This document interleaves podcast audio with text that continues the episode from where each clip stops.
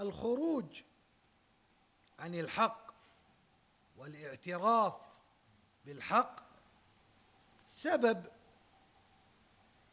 الظلم والفساد في الأرض. فلذلك السني عبد لربه أواب رجاع مطواع فهو لا يتكبر عن الحق. هكذا هو السني. وهذا استمد من هدي الأنبياء والرسل. فالسني قد استقى هذه المعاني من هدي الأنبياء والرسل. ففي سورة صاد قال الحق عن داود عليه السلام إنه أواب أي إنه رجاع. وقال في نفس الصورة عن سليمان عليه السلام إنه أواب أي إنه رجاع. وفي سورة هود عن شعيب يقول عليه توكلت وإليه أنيب. فهو ينيب لله تعالى. رجاع وفي سورة هود قال تعالى عن إبراهيم لحليم أواه منيب أي رجاع. فهدي الأنبياء والرسل كما في القرآن أنهم يرجعون إلى الحق. فالإنابة هدي الأنبياء والرسل. ما معنى أواب؟ أواب أي كثير الأوبة صيغة مبالغة فعال.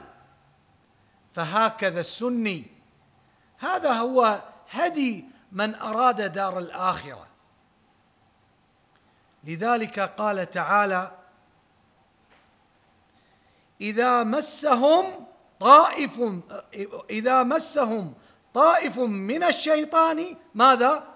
تذكروا. هكذا السلفي هكذا السني. إذا مسه أي لم يتمكن منه. قاربه ماذا يكون منه؟ الرجوع. الرجوع إلى ماذا؟ إلى الحق. أما المعاند الكافر ماذا قال عنه الحق؟ استحوذ عليهم الشيطان. استحوذ بالكلية أي تمكن منه. أما هناك مسه لم يتمكن منه. أما في الآية الأخرى استحوذ أي تمكن منه. فهكذا الفرقان المبين. بين هدي السني الذي قد يقع في الخطأ. كل بني آدم ماذا يقول النبي؟ خطاء. إلا أنه رجاع. إلا أنه ماذا؟ رجاع. فإذا أخطأ تذكر واستغفر وأناب لله تعالى. هذا هو هدي السني. ولكن قد يتمكن منه الشيطان والعياذ بالله. قال شيخ الإسلام ابن تيمية في المجموع من المعلوم أن الإنسان يكون عالما بالحق ويبغضه. لاحظ لاحظ هذا النقل ودقة النقل. يا عبد الله. من المعلوم أن الإنسان يكون عالما بالحق ويبغضه لعرض آخر. فليس كل من كان مستكبرا عن الحق يكون غير عالم به. يكون ماذا؟ غير عالم به بل قد يتكبر على ماذا؟ على الحق. وحينئذ فالإيمان لا بد فيه من تصديق القلب وعمله. وهذا معنى قول السلف الإيمان قول وعمل. الإيمان قول وعمل. اذا هناك فرق بين من يريد نشر الحق وبين من يريد العلو بالحق. هناك من يريد من خلال العلم الشرعي يريد أن يخضع الناس لنفسه وهواه وهو يعلم بأن هذا الأمر منكر. أي هذا المسكين لا يريد أن يعبد نفسه لله تعالى بالخضوع والذل والانكسار له سبحانه وتعالى. أي استحوذ عليه هواه ونفسه جامحة والعياذ بالله. ونفسه ماذا؟ جامحة والعياذ بالله. وليتذكر هنا قاعدة. كلا منا بذلك. قال شيخ الإسلام الله تعالى لم يجعل العصمة عند التنازع المسلمين إلا في الرد إلى الكتاب والسنة. وكل يؤخذ من قوله ويترك إلا رسول الله الذي لا ينطق عن الهوى. فالكتاب أقول فالكتاب والسنة الملجأ للسني عند الاختلاف. فالملجأ ماذا؟ الكتاب والسنة. ولننظر إلى هدي السلف في ذلك. ولننظر إلى هدي السلف في هذا المعنى. معنى العنوان نعم أخطأت. نعم أخطأت. قال عبد الرحمن بن مهدي ذاكرت عبيد الله ابن الحسين القاضي وهو ثقة معلوم من السلف بحديث تدارس حديث وهو قاض فخالفني فيه فدخلت عليه أي بعد مدة فدخلت عليه بعد إذن وعنده ناس فقال لي ابتداء مبادرا. ذلك الحديث كما قلت أنت وأرجع وأنا صاغر أمام الناس. هكذا كان ثقات الأمة. هكذا كان علماء الأمة. فعندما ذاكر عبد الرحمن بن المهدي هذا القاضي الثقة فأخطأ فبادر ابتداء بقوله ذلك الحديث. كما قلت أنت لا ما قلت أنا. أنت المصيب وأنا المخطئ. نعم أخطأت فقال العبارة المشهورة وأرجع وأنا صاغر. أقول هذا كان هدي العلماء. نعم هي صعبة على البعض. نعم هي صعبة على البعض. ولكن من افتقر لله تعالى واستطاع أن يتشرب العبودية بحق لله وأدرك أن هذا المكان دار ممر والله سيكون هدي هذا الإنسان كهدي القاضي عبيد الله ابن الحسين آه، رحمه الله تعالى. وأذكر لكم رواية جميلة أيضا. تشرح لنا كيف كان لأهل السنة هذه المكانة.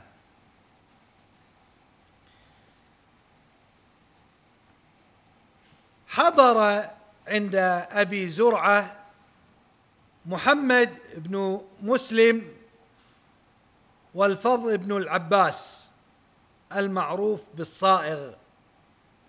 فجرى بينهم مذاكرة فذكر محمد بن مسلم حديثا فأنكر الصائغ. أي فضل بن الصائغ فقال يا أبا عبد الله ليس هكذا الحديث. قال هو. فقال كيف هو؟ فذكر رواية أخرى. فقال محمد بل الصحيح ما قلت بل الصحيح ما قلت لا ما قلت. أنت. والخطأ ما قلت. قال فضل. أبو زرعة هو الحكم بيني وبينك. قال أبو زرعة الحكم بيننا. فقال محمد ابن مسلم لأبي زرعة. إيش تقول؟ أي إيش تقول؟ إيش تقول؟ أينا المخطئ؟ أنا أم هو؟ فسكت أبو زرعة. ولم يجب. فقال محمد ما لك سكت؟ تكلم. فجعل أبو زرعة يتغافل. لاحظ الآداب. آداب الأكابر. فجعل أبو زرعة يتغافل فألح عليه رحمه الله محمد بن مسلم. وقال لا أعرف لسكوتك معنى يا أبا زرعة. إن كنت أنا المخطئ فأخبر وإن كان المخطئ هو فأخبر. فقال أبو زرعة هنا هاتوا أبا القاسم ابن أخي نادوه. فدعي به. فقال أبو زرعة لابن أخيه اذهب لبيت الكتب.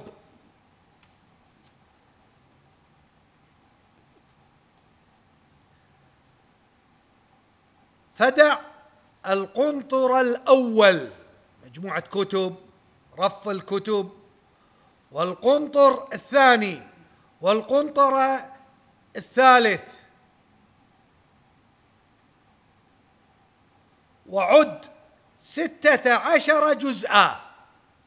واتني بالجزء السابع عشر.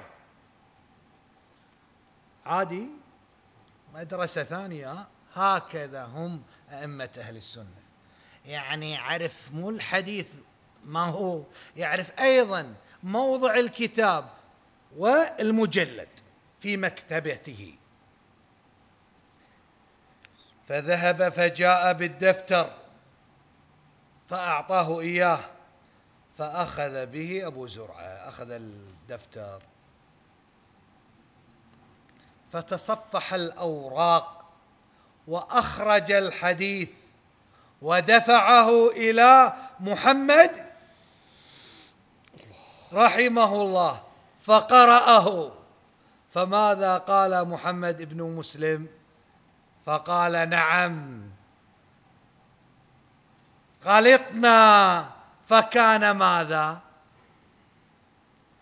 غلطنا فكان ماذا؟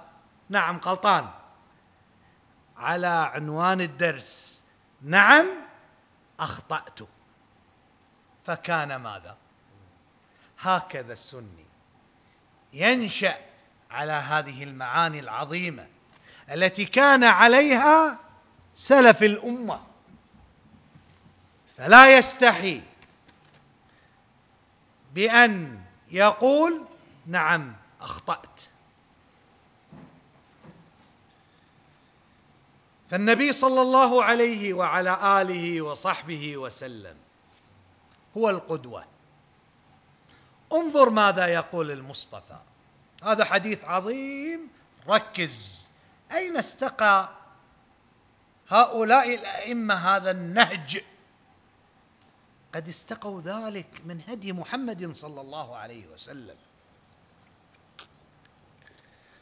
عن أبي هريرة رضي الله عنه وأرضاه قال صلى الله عليه وسلم اللهم يا الله إنما أنا بشر فأيما رجل من المسلمين سببته أو لعنته أو جلدته فاجعلها له زكاة ورحمة.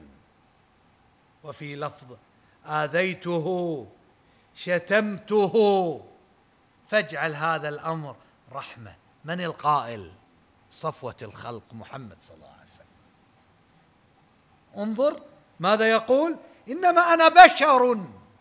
فإذا كان نبينا وهو القدوة يقول إنما أنا بشر. فكيف لطالب العلم اليوم؟ لا يقول أنا بشر. فقد أخطأت. كيف له لا يقول أنا بشر فقد أخطأت. فهو صلى الله عليه وسلم أعبد البشر وهو صاحب لواء الحمد لله تعالى في أرض المحشر. قال صلى الله عليه وسلم بيدي لواء الحمد في أرض المحشر. كان إذا أتاه الأمر من اليسر قال الحمد لله على يعني على الحمد لله الذي بنعمته تتم الصالحات وإذا أتاه الأمر الذي يكرهه قال الحمد لله على كل حال. فالنبي صلى الله عليه وسلم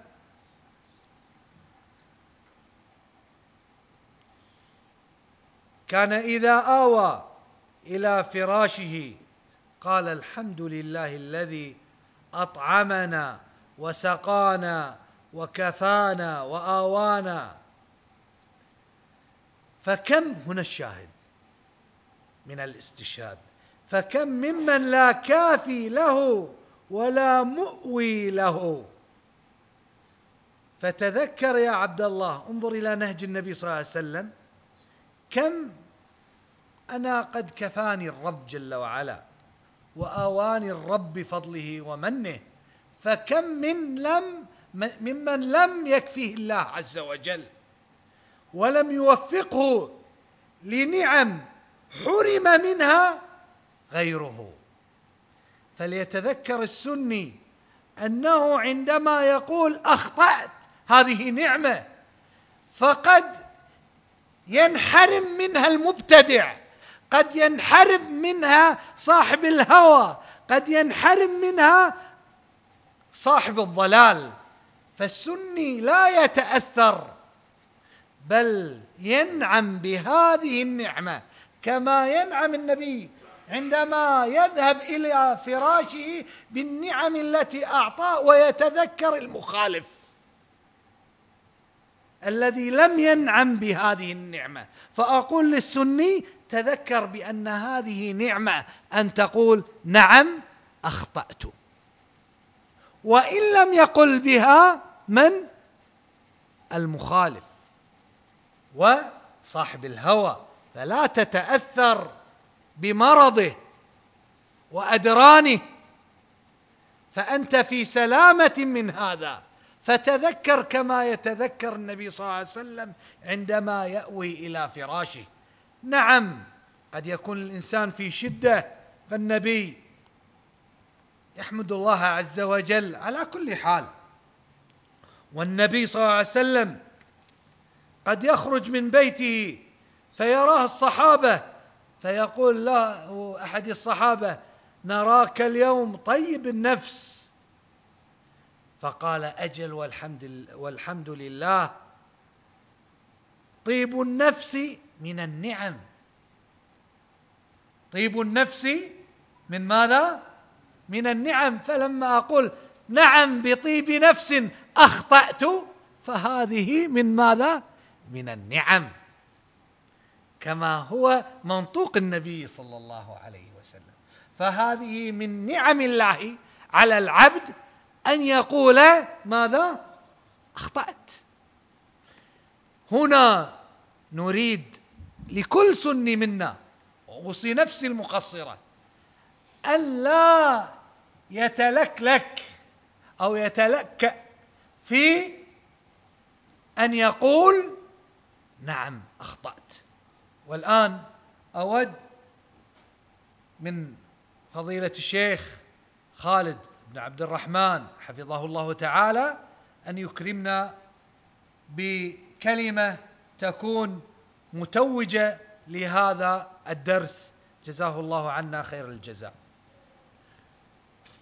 الحمد لله رب العالمين. والصلاة والسلام على رسولنا محمد وآله وصحبه أجمعين. أما بعد فجزى الله الشيخ المحب أبا عثمان العنجري. وعليك السلام ورحمة الله. أبا عثمان العنجري خيرا وسدده ونفع الله به ووفق الله الجميع لما فيه رضاه. وقد سمعنا ولله الحمد والمنة ما يشفي ويكفي بإذن الله تعالى. وإن كان للكلام تتمه فأقول مستعينا بالله عز وجل. إن الله عز وجل أدب عباده فقال تعالى آمرا عباده يا أيها الذين آمنوا كونوا قوامين بالقسط شهداء لله ولو على أنفسكم.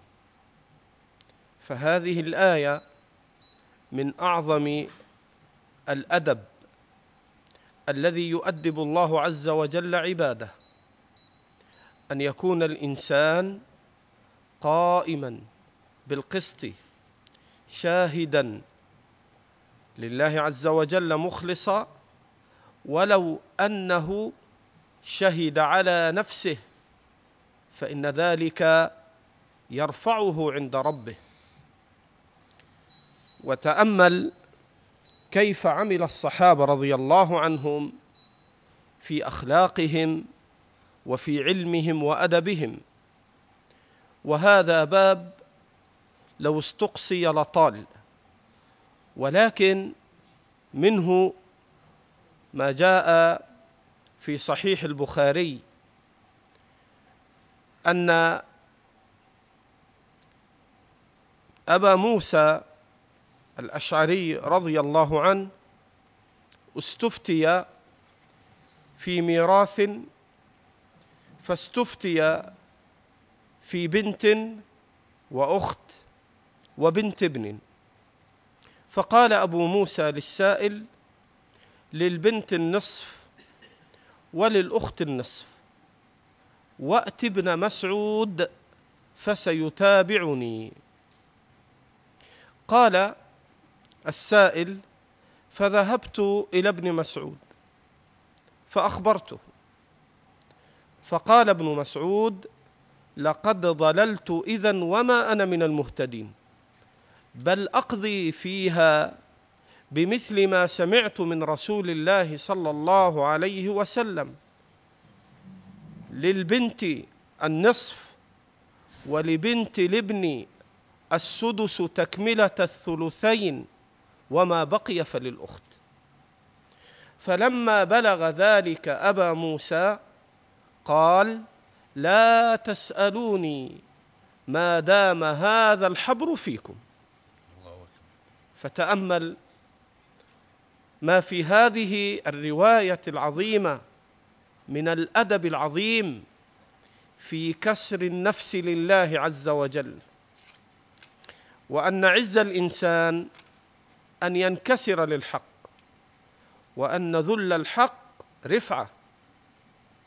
فلما أفتى أبو موسى باجتهاد أخطأ فيه فجعل النصف للبنت والنصف الآخر للأخت وأسقط ميراث بنت الابن. هكذا اجتهد فأخطأ رضي الله عنه. فرفع الأمر إلى من هو أعلم منه. فقال وأت ابن مسعود. لماذا؟ مع أنه أفتاه. لأن الإنسان لا يغتر بنفسه ويعلم أنه عرضة للخطأ. وأنه يرجع إلى من هو أعلم ليزداد علما. فلما جاء السائل إلى ابن مسعود خطا ابن مسعود أبا موسى. هكذا صاحب السنة لا يسكت عن الخطأ بل يقال للمخطئ أخطأت ويجب عليه أن يتقي الله. وأن يقول نعم أخطأت ويرجع إلى الحق. فلما أفتى ابن مسعود بما سمعه من النبي صلى الله عليه وسلم ولم يلغي ميراث بنت الابن مع البنت والأخت فقال للبنت النصف ولابنة الابن الثلث آه، السدس تكملة الثلث الثلثين تكملة الثلثين وما بقي فللأخت. ماذا فعل أبو موسى؟ قال لا تسألوني ما دام هذا الحبر فيكم. هذا هو ذلة النفس لله. لا تسألوني ما دام هذا الحبر فيكم. بين خطأه ورفع قدر من هو أعلم منه. يقول الإمام ابن عثيمين في مقدمة الألفية حين علق على قول ابن مالك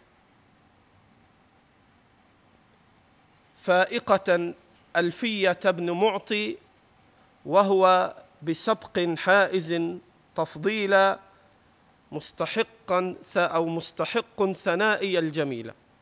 علق هنا ابن عثيمين قال وفي هذا من الأدب أنك لا ترتفع عند الله بتحقيرك علم سواك بتحقيرك علم غيرك بتحقيرك لغيرك وهذا لا يكون رفعة لك بل ثناؤك على غيرك ممن هو أعلم منك. ومن عنده العلم لا يسقط قدرك بل ثناؤك على الغير يرفع قدرك عند الله. هذا معنى كلام ابن عثيمين في مقدمة الألفية حين علق على ما سبق ذكره. لذلك الصحابة رضي الله عنهم ما كانت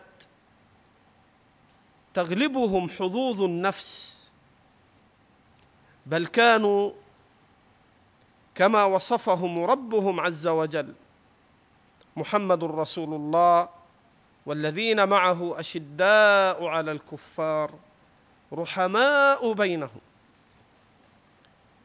يتهم الرجل نفسه إذا فاته شيء من العلم وقصر فيه. وتأمل أيضا ما جاء في صحيح البخاري عن عمر رضي الله عنه حين استأذن أبو موسى على عمر فلم يأذن له وكأنه كان مشغولا. هكذا يقول فذهب وانصرف فخرج عمر فقال رضي الله عنه ألم أسمع عبد الله بن قيس هو ها هنا؟ قالوا نعم ولكنه انصرف حين لم تأذن له فدعاه فجيء به فقال هكذا أمرنا. يعني أن النبي صلى الله عليه وسلم أمرنا إذا لم يؤذن لنا أن ننصرف. فقال عمر رضي الله عنه ائتني بشاهد على ما تقول. فأتى أبو موسى رضي الله عنه مجلسا للأنصار فسألهم شاهدا يشهد معه عند عمر. فقالوا لا يقوم معك إلا أصغرنا. لا يقوم معك إلا أصغرنا. فقام أبو سعيد الخدري. فذهب فذهب إلى عمر فشهد. فقال عمر رضي الله عنه ألهاني الصفق بالاسواق وفي رواية عند مسلم ألهاني عنه أي عن علم هذا الحديث ألهاني عنه الصفق بالاسواق من يقول هذا؟ عمر بن الخطاب. أعلم الناس وأفقههم وأفضلهم بعد أبي بكر باتفاق أهل السنة. كما يقول ابن عمر كنا نقول ورسول الله صلى الله عليه وسلم حي خير هذه الأمة أبو بكر ثم عمر. كما هو عند البخاري. خير هذه الأمة وأفقههم وأعلمهم بعد أبي بكر يتهم نفسه بالقصور حين غابت عنه سنة. ويرفع قدر من علمه الحديث. لا يبالي. لأن العبد إذا أراد الله والدار الآخرة هانت عليه نفسه لله. وأما إذا اضطربت نيته تعزز بغير عزة. فهذا عمر رضي الله عنه يقول الهاني الصفق بالأسواق. تجارة. نعم. قد تلهى عن شيء من العلم لتعف يدك. حتى لا تنكسر ذلة لغير ربك عز وجل بأن تمد يدك. اليد العليا خير من اليد السفلى. اليد العليا المعطية والسفلى الآخذة. فهذا أدب للعالم أن يكون عنده من العمل من التجارة من الشغل ما يستعف به عن دنيا الناس وإن فاته شيء من العلم.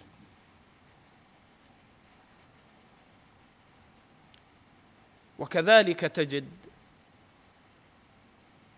نظائر هذا كثيرة في هدي الصحابة في قبول العلم وفي الاعتراف بالخطأ والتقصير.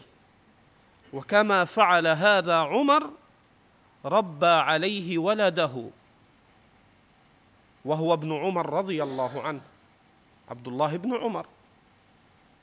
هكذا استقى الأدب من أبيه. ففي الصحيحين يحدث أبو هريرة رضي الله عنه أن من شهد جنازة كان له قيراط. فقال ابن عمر أكثر علينا أبو هريرة. فشهدت عائشة أنها سمعت رسول الله صلى الله عليه وسلم يقول كما قال أبو هريرة. ابن عمر تشكك حين جاءه الحديث من أبي هريرة شك قال أكثر علينا أبو هريرة. قد يكون نسي قد يكون وهم.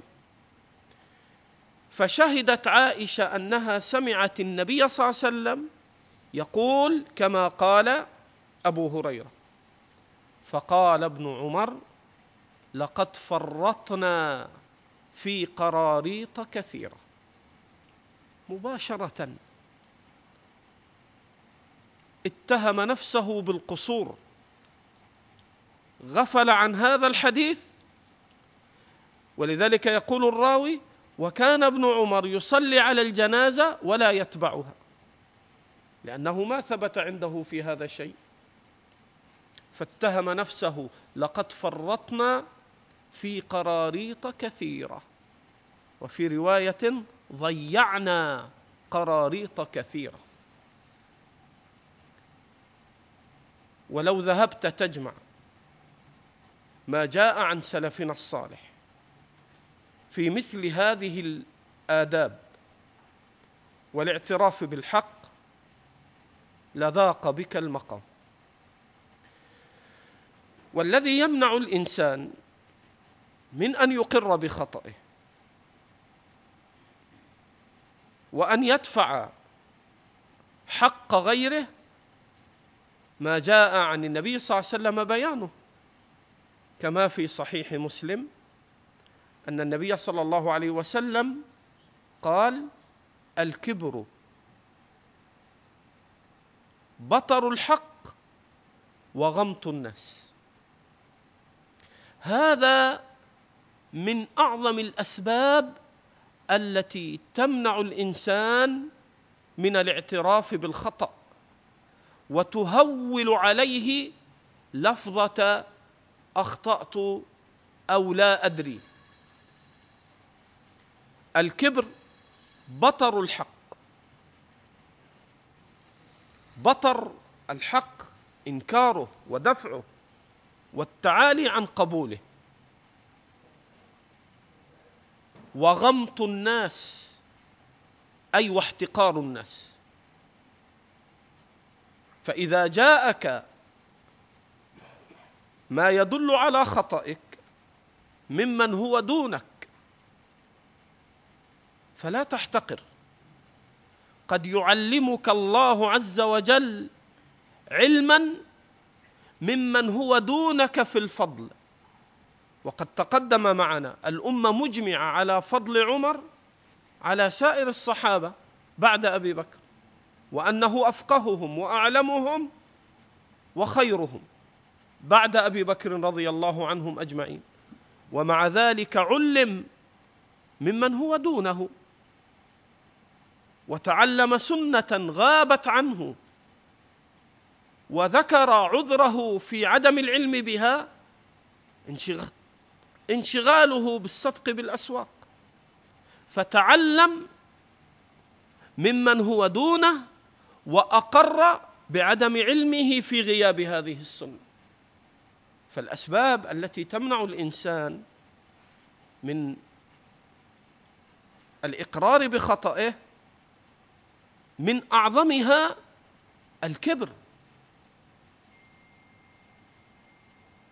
واحتقار الناس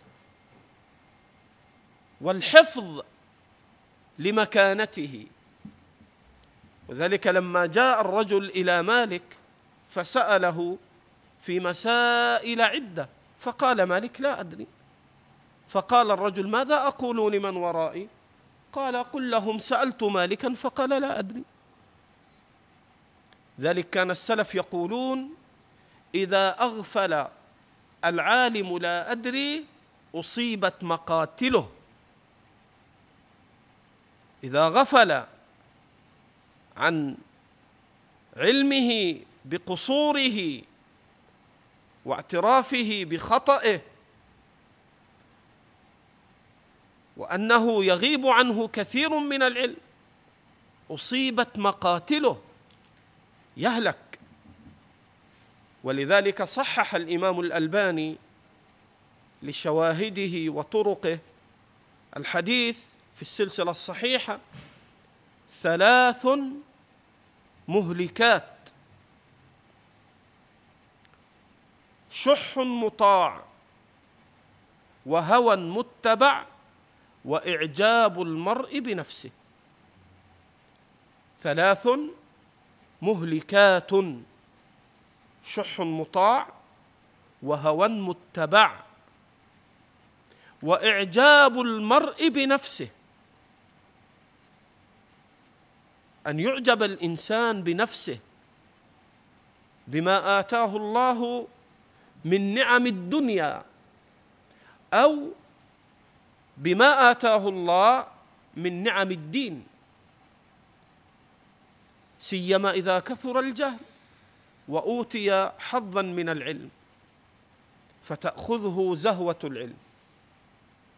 فهذه من أعظم الأسباب التي تمنع الإنسان من قبول الحق ومن الإقرار بالخطأ ومن الاستمرار على ما يخالف الكتاب والسنة من المسائل العلمية أو من الأخلاق الردية.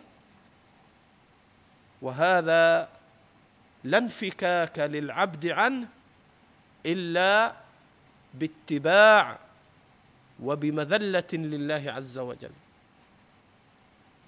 وهذا إنما يوفق إليه من أراد الله عز وجل به الخير. وجماع ذلك الافتقار إلى الله فإنه لا ينال ما عند الله إلا بافتقار النفس لله عز وجل. نسأل الله التوفيق والعافية لنا ولكم. والله سبحانه وتعالى أعلم وأجل. جزا الله شيخنا الشيخ خالد حفظه الله على هذه الكلمة وتصديقا لما ذيل به الكلام لما ذيل به الكلام أقول تصديقا لما تفضل به. قال ابن تيمية كل عمل لا يعين الله العبد عليه فإنه لا يكون ولا ينفع. فما لا يكون لله لا يكون وما لا يكون له تعالى لا ينفع ولا يدوم.